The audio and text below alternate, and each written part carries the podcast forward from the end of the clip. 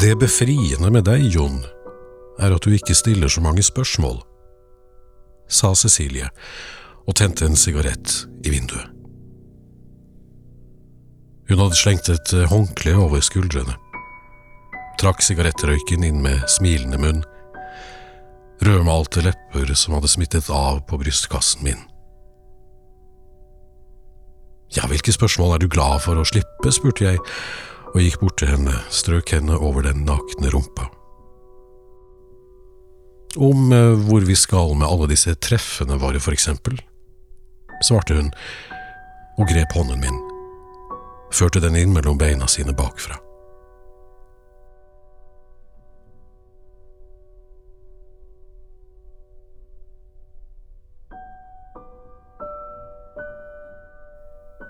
Jeg skilte kjønnsleppene hennes med to fingre.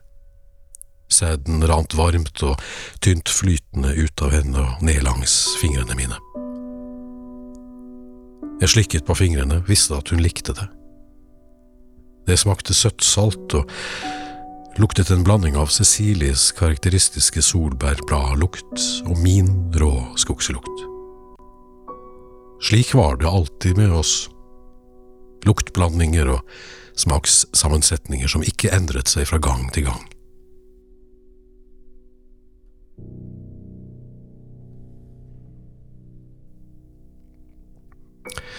Jeg har ikke snakket med Cecilie på flere år nå, men jeg vet at hun fikk utgitt boken sin noen år etterpå. Notatene til boken lå på bordet ved vinduet der hun sto den vinterettermiddagen. En og annen kaffeflekk på noen av notatsidene. Skrift med rødt blekk over enkelte av avsnittene, der hun hadde rettet seg selv, strøket ut og skrevet på nytt. Boken skulle handle om et forhold som aldri kunne lykkes. Og jeg ble flere ganger utspurt og testet på de forunderligste vis som en slags uforbindelig og anonym konsulent for ting som ble til i Cecilies univers av emosjoner og svirrende planeter.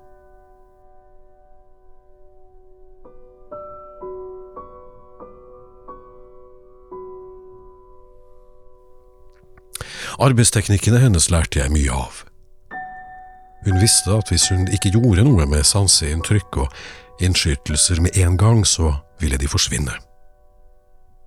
Derfor grep hun ofte til notatblokken og sa Fortell meg, fortell meg hva du kjenner nå, Jon. Ja, jeg kjenner glede over å være i nærheten av deg. Hvordan kjennes det? Som å kunne gripe tak i noe flyktig. Du er flyktig, Cecilie. Du har noe ved deg som jeg aldri greier å få tak i. Og når jeg får sjansen til å være i den følelsen, og glemmer det flyktige, da er det glede jeg kjenner. Ikke så fort jeg skriver, sa hun. Jeg vet at dette ikke varer evig, svarte jeg. Vil du rive trusa mi i to og ta meg bakfra, spurte hun. Ja, det vil jeg, men dette varer ikke evig, jeg vet jo det, Cecilie.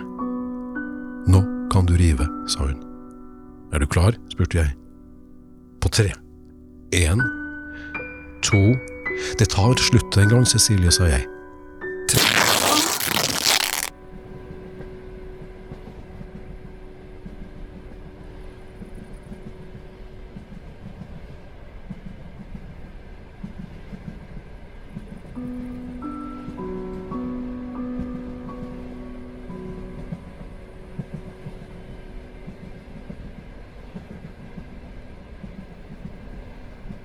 Da Cecilie og jeg omsider brøt opp og gikk hver vår vei, var det som å vinke farvel til et godstog.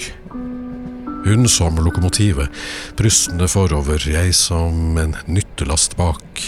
Jeg hang med i svingene og greide aldri å bremse annet enn med hennes hjelp. Men skinnene var jo fastlagt på forhånd, som de fleste slike ruter er. Cecilie var en eneste stor protestvise mot alt og alle. Nips-figurene i vinduet var bare hastig innkjøpt en gang i tenårene, tror jeg. Den gangen hun mente at hun var stille og duknakket. Alle sa det, derfor så begynte hun å tro på det. Og der skulle hun stifte familie og, la mannen bestemme. Mens det i realiteten var Cecilie som ikke hadde bestemt seg for hva det var hun skulle bestemme. Det kom først i årene etterpå, og da ble hun sint. Mest sint på seg selv, på nipsfigurene og elefantene i vinduskarmen i Helgesens gate, som sto nedstøvete som et minne fra den stille tiden i Cecilies liv. Den gangen hun var en dukke.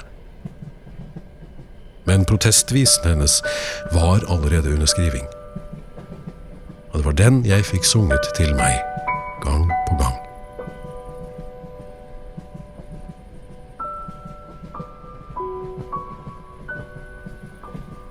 Ja, det var et lokomotiv hun var.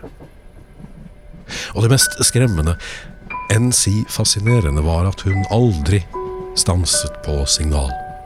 Kom det et rødlys, så satte hun bare full fart og smadret bommer og sperrer til pinneves og flisende føk.